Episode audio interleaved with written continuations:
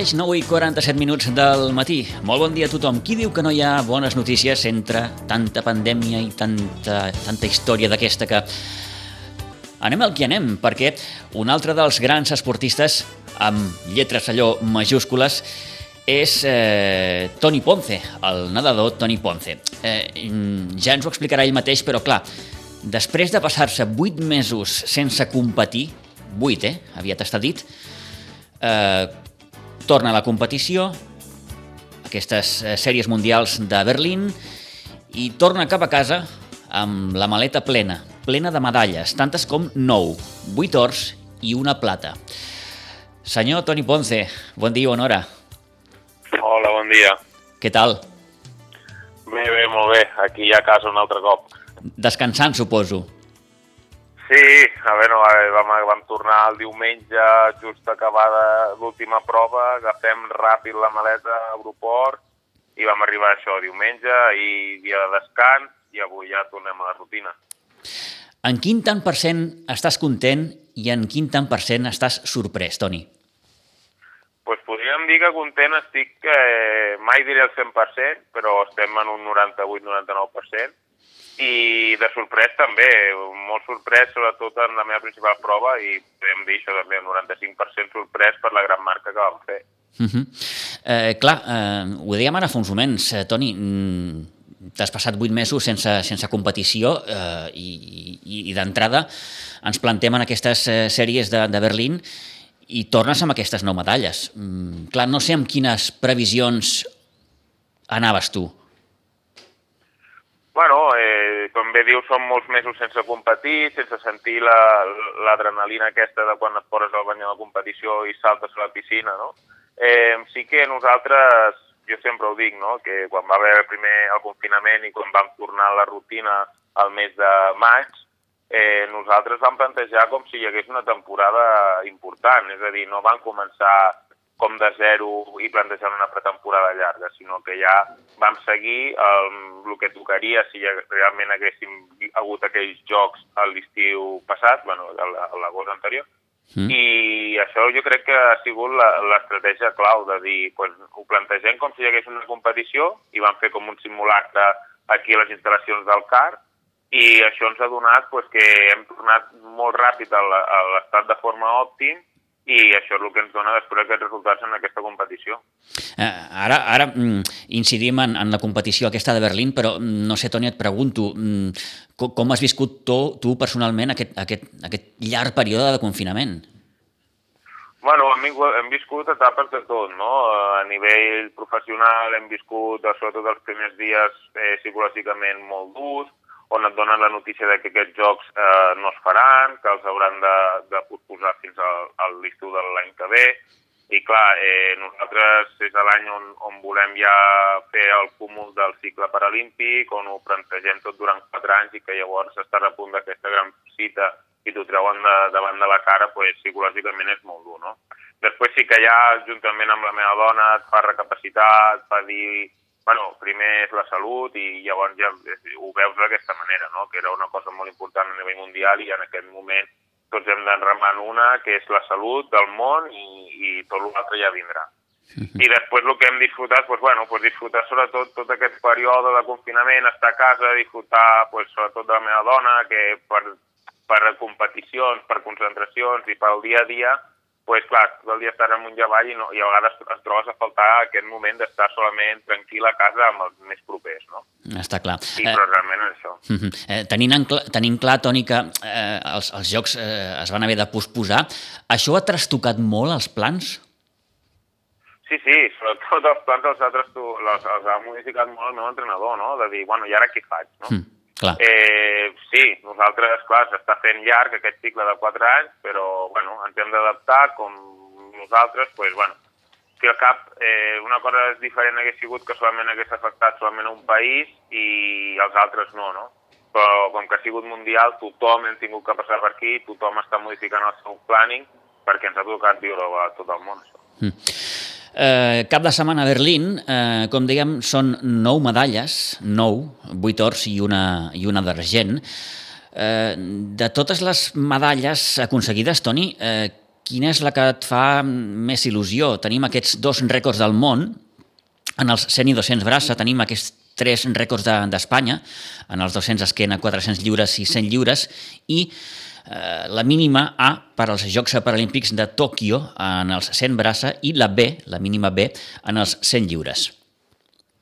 Bueno, cada, cada, prova, eh, cada medalla té, té alguna no? perquè va darrere una prova on realment ens ha sortit totes les proves coses positives que hem de seguir treballant en aquest camí però bueno, si hem d'escollir una, lògicament escolliré la de 100 metres braça, que és la meva principal prova, a part ve acompanyat d'un world record i sobretot aquesta mínima A que ja es garanteix estar als Jocs Paralímpics. Uh mhm. -huh. En general, Toni, però gran paper, no?, de la delegació espanyola. 36 medalles, he vist, eh, i 7 mínimes sí, sí. per, per Tòquio. déu nhi Sí, sí, no, realment hem sigut una delegació petita, de 19 nedadors solament, eh, però bueno, amb opcions molts d'aquests nedadors a fer aquestes mínimes, la feina l'hem fet molt bé com a equip, hem treballat dur aquest cap de setmana perquè ha sigut bastant dur, de moltes proves seguides i amb poc descans, però en general després bueno, eh, ha sigut uns resultats molt bons, moltes classificacions ja on ja gent ja ha tingut que fer la feina i així ja pot estar en teoria més tranquil per poder ja entrenar exclusivament per aquests jocs i no de buscar més mínimes,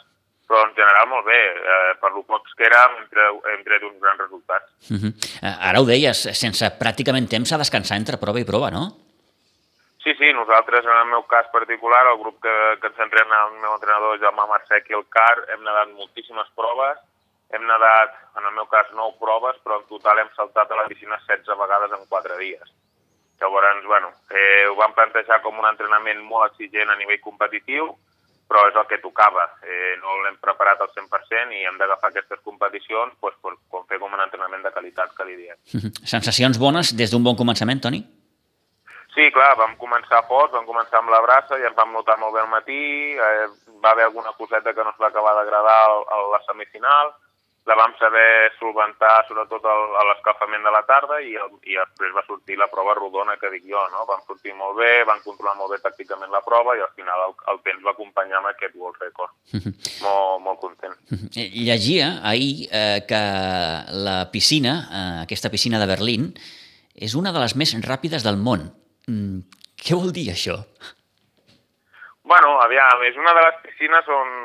No, o sigui, les dimensions de, de lo que és la piscina en si, del vas, la profunditat, és la més òptima, no? És la que s'utilitza sobretot quan es fan Jocs Paralímpics i grans, grans cites a nivell mundial, s'utilitzen aquestes dimensions, no? Uh -huh. A part, també Berlín té alguna que no sabem com què és, però, bueno, és l'ambient, és la professionalitat, és semifinals i finals, eh, com vesteixen la piscina, doncs et donen aquest plus extra de motivació i et dona doncs, aquesta, aquests últims metres de, de donar-ho tot. No? I sempre, en el meu cas particular, Berlín tinc molt bons records, allà ja vaig batre el meu primer, un dels, un dels rècords que vaig aconseguir, i ara tornem a fer-ho. Uh -huh. O sigui que una piscina que la tinc allà al número 1, quasi. Eh, vaja, com dius, una miqueta de tot, no? Les, les seves dimensions, el seu sí. entorn, el seu ambient, eh, afavoreix...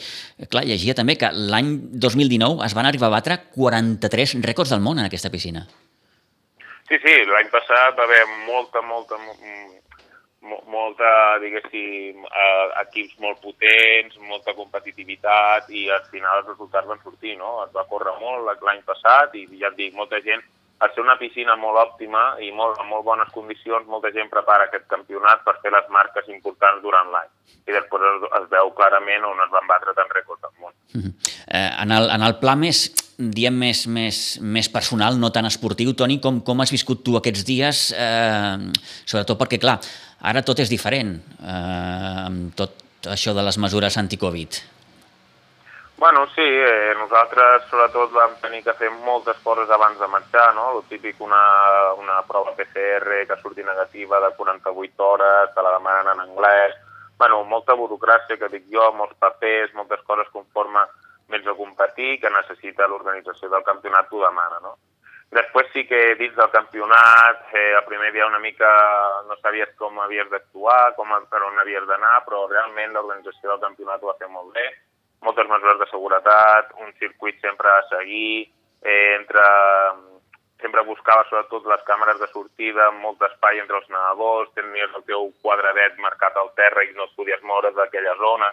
Realment molt bé. Això és el que més rar, raro va, va quedar, no? De dir, bueno, és un campionat on normalment hi ha més participació de gent, no va poder haver tanta perquè molts països encara no estan per poder viatjar amunt i avall, i, però realment eh, va haver molta competició bona, molta gent amb molt de nivell, i sobretot això, a part amb aquest extra, eh, organitzar, organitzar una competició internacional amb el tema de la pandèmia i ser els primers en fer-ho a nivell mundial, pues, xapó, no? De dir, pues, és un país que se l'ha jugat a una carta i li ha sortit molt bé. Uh -huh. Hi havia públic o no? No, tot a porta tancada. Era porta tancada. Uh -huh. Eh. Es nota faltar o no? Aquest ambient extra, sí, diguem-ho així clar, aquest ambient que sempre tens a la final, que t'anima, mm, no? t'apreta aquests metres, doncs clar, això se nota quan, no hi ha, quan la grada està buida, no? Però bueno, ens toca viure aquesta etapa i ho hem de viure d'aquesta manera. No? Mm eh, mm, et pregunto, com, com a esportista d'elit que ets, Toni, eh, tu personalment tens la sensació que tot això que està passant, eh, aquesta pandèmia, eh, ens ha pres quelcom? Com, com? Si ens ha pres alguna cosa, la, la sensació de que t'han pres alguna cosa. Bueno, sí que és que, aviam, el que passa ara és que estàs, estàs competint, estàs fent les coses, però no vas amb, que, amb el peu segur davant, és a dir, no, ah. tu no vas segur de dir ara em toca això, ara després tinc un mes per preparar aquest campionat, tinc això, tinc l'altre, no, és molta incertesa, no? Aquesta tranquil·litat sí que te la pren. O sigui, tu no saps què passarà tu vas al dia. Uh -huh. I un, un esportista, ja sigui natació o el que sigui, no podem anar al dia. Hem de tenir alguna marcat al calendari i dir, anem a per això. En teoria nosaltres ho fem, la mentalitat la tenim així, però amb la pandèmia no saps si això que tens aquí marcat t'ho trauran de la cara. No? Clar. Llavors és això, és aquest gran dubte de dir si es farà, no es farà, què passarà, no? Llavors, clar, estem tots els esportistes d'aquesta manera amb, amb incertesa de dir, bueno, aviam què passa. Uh -huh. I abans no, no arribi Tòquio, tant de bo es puguin acabar disputant, Toni, eh, aquest, aquest camí d'aquests mesos, com, com, com el tracem? Bueno, pues nosaltres, això sí, marquem Tòquio davant, el, el, el nostre calendari ben marcat Tòquio, nosaltres ja anem a preparar aquesta gran cita, aquests jocs, Sí que ja esperem que hi hagi altres competicions entre mig, com l'europeu de, del mes de maig, que en teoria encara està posat i no, no hi ha cap problema. Quan s'apropi aquesta data pues, ja, ja veurem què passarà. I a curt plaç, pues res, ara si tot va bé, el mes que ve pugem a una concentració a Serra Nevada de 21 dies amb l'equip i si, i si tot va bé el desembre tenim dues competicions allà, aviam si s'acabaran de fer a nivell a nivell estatal i, i anar, anar veient. O sigui, L'objectiu clar és, és Tòquio i entrenar per aquesta gran cita. A nivell més, més social, no pas tan, tan, tan, tan esportiu, Toni, eh, com ha anat aquest retrobament amb l'equip, amb l'entrenador? Bueno, sobretot s'ha vist cares d'il·lusió, no? De dir, tornem a estar aquí, no? I, i, hem de, i, i a sobre després veus els resultats i, i hem tornat a lo gran, no? Mm. Jo crec que és això, la gràcia de, de trobar aquesta adrenalina, no? Parlàvem amb, amb companys de l'equip, uah, quina emoció tornar a anar a posar-te un banyador, càmera de sortida, mentalitzar-te com fer-ho, què has d'anar a buscar, nedar el més ràpid possible en aquest moment, no? Sobretot això, il·lusió, les, les il·lusions, les cares de, de, de tots els nedadors teníem aquesta, no? Dir, bueno, tornem a estar aquí, que és el que ens agrada, competir.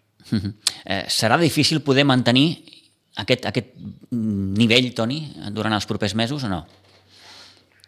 El nivell a nivell personal, vols dir? A nivell físic, a nivell mental, tenint en compte eh, el que, el que dèiem ara fa uns moments, no? que, clar, que tot això no saps ben bé com per on tirarà, si per la dreta, si per l'esquerra...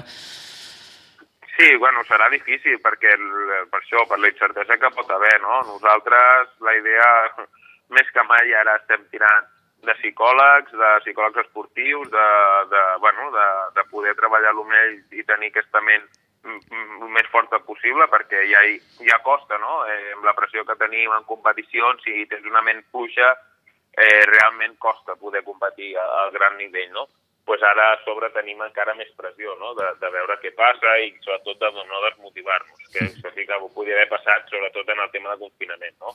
Ja. Els mesos parats sense saber què passaria, pues, psicològicament molt, molt fluixos, però bueno, hem de posar-nos forts i, i tirar endavant. Hi ha més desgast, entenc, mental que físic, no? Ara ho deies, eh, heu necessitat també l'ajuda la, la, de psicòlegs. Vaja, crec que els psicòlegs es faran d'or. Sí, sí, es faran d'or tant a nivell esportiu com a nivell social. Eh? Sí, sí, sí, sí. Psicològicament a la societat els ha tocat molt aquest, aquest, bueno, aquesta pandèmia i, i molta gent necessita no? d'aquests professionals i tenim la sort de que nosaltres els tenim, que ens coneixen bé i bueno, treballem amb ells perquè realment eh, bueno, és una cosa molt forta el que ha passat i, i mentalment de vegades ens fa una mala passada i llavors hem d'intentar canviar el xip ràpid per tornar-nos a enxufar amunt. Uh -huh. uh, vuit mesos sense competir, nou medalles, eh? Sí, sí. Déu-n'hi-do, déu nhi déu Per la porta gran, això es diu que això es diu així de clar, eh? per la porta gran. Eh, Toni Ponce, moltes gràcies per haver-nos atès durant aquests minuts. Moltíssimes eh, felicitats i que, i que, i que no pari. Això, esperem que siguem endavant, que podem seguir competint i aviam què tal van aquests resultats. Gràcies, Toni, una abraçada. Adéu-siau. Gràcies a vosaltres.